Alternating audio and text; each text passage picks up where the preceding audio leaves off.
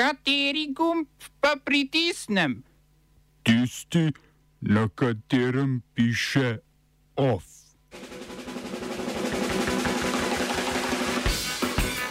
Šrilanka prenehala izplačevati dolg tujim upnikom. Ustavno sodišče preklicalo zvišanje plač zdravnikom. Ljubljanski mestni svet sprejel spremembe občinskega prostorskega načrta. V kulturnih novicah Borjevo kucanje v Vitanju.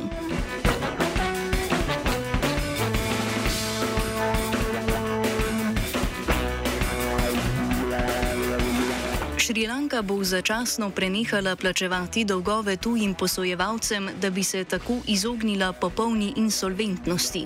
Šrilanka ima trenutno 1,3 milijarde evrov rezerv v tujih valutah, do konca leta pa bi morala tujim upnikom izplačati 3,6 milijarde evrov. Država bo preostale rezerve tujih valut raje namenila uvozu goriva in zdravil, saj se že tedne sooča z njihovim pomankanjem. Poleg tega bo poskušala z upniki doseči dogovor o prestrukturiranju dolga. O posojilih se pogaja tudi z mednarodnim denarnim skladom. Šrilanka se sicer spoprijema že več tednov s trajajočimi protesti, v katerih protestniki zaradi izklopov elektrike, visoke inflacije ter pomankanja hrane in zdravil zahtevajo odstop predsednika države ter premijeja Gotabaja in Mahinda Rajapakse.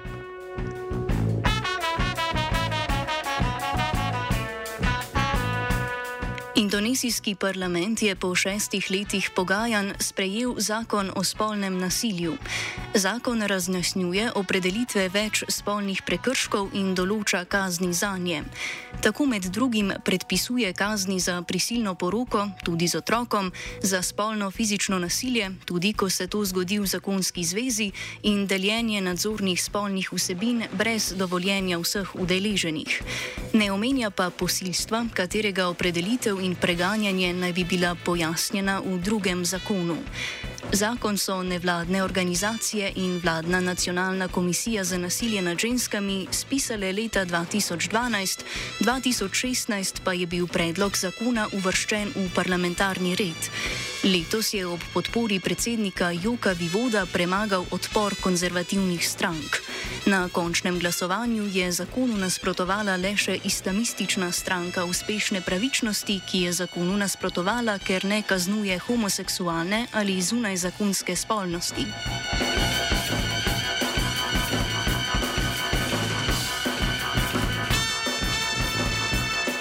Italija poskuša zmanjšati energetsko odvisnost od ruskega plina. V ta namen je premijer Mario Draghi podpisal pogodbo z Alžirijo, ki bo odslej v Italijo izvažala več plina. V zameno je Italija napovedala pomoč pri razvoju alžirske proizvodnje obnovljive energije. Ruski plin je lani predstavljal 40 odstotkov vsega uvoženega plina v Italijo. Ta vir energije pa je za našo zahodno sosedo pomembnejši kot za druge evropske države, saj največji del električne energije v Italiji proizvedejo plinske elektrarne. Italija je od ruske invazije nad Ukrajino podobno pogodbo o povečanju uvoza plina že sklenila sklenila s Katarjem, Angolo in Azerbajdžanom.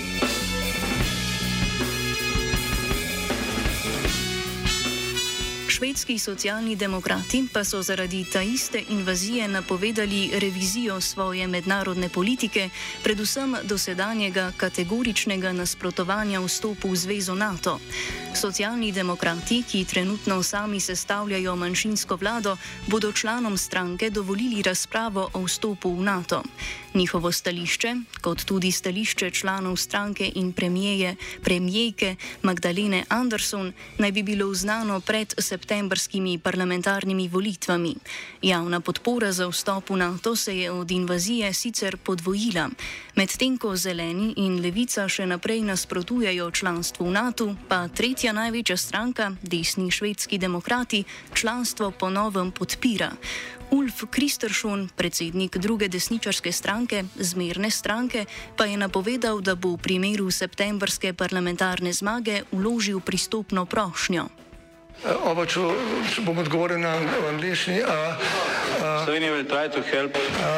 We can Slovenia will and we will do our utmost to say that the situation is our problem ourselves. and uh, We will make further steps as soon as the conditions are. bomo vlado Marjana Cererja, Mira, eh, Marjana Cererja Šarca podprli. uh, very very serious. we know how and we will.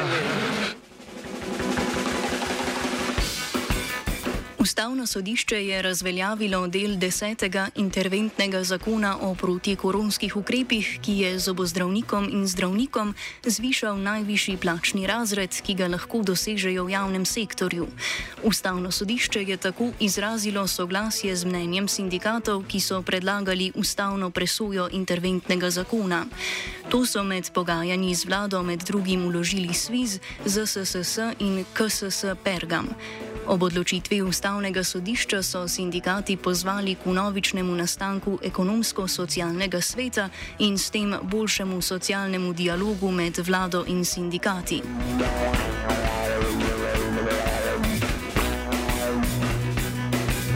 Mestni svet občine Ljubljana je sprejel obsežne spremembe občinskega prostorskega načrta. Dokument je dolg več kot 1500 strani, zato je sprememb veliko. Med opaznejšimi sta predvidena umestitev v prostor obvoznice mimo naselja Gameljne na severnem bregu Save in možnost gradnje stolpnice ob Dunajski cesti nasproti Bežigrajskega stadiona. Z amadmajem župana je bil iz OPN-ja umaknjen predlog o spremembi namennosti štirih zemljišč znotraj Šišenske sosedske šest v zazidljive, kar bi bil predpogoj za postavitev vila blokov sosedski, čemur se tamkajšnji občani močno upirajo. V novem prostorskem načrtu pa so kljub velikemu nasprotovanju ostale spremembe, ki predvidevajo širitev hostla celica na Metelkovi. Kaj prostorski načrt predvideva na tem območju, pove Pavel Lipošek, so avtor oddaje Urbi et Urbi na našem radiju. kar se tam pri celici dogaja, um, v bližini nameravajo um, širiti uh, um, zdravstveni dom. Um, problem celice pa mislim, da je predvsem to, da um, se, se načrtuje pač širitev hosla, ne, ker je seveda zelo, zelo profitabilen in tako naprej. In to bi nekako uh, uničil um, integriteto tega um, enovitega um, prostora. Ne. Namreč mislim, mislim, da se govori uh, predvsem o območju um, pri uh, tem uh, šalkarskem igrišču. Uh, mislim, da se tam načrtuje širitev.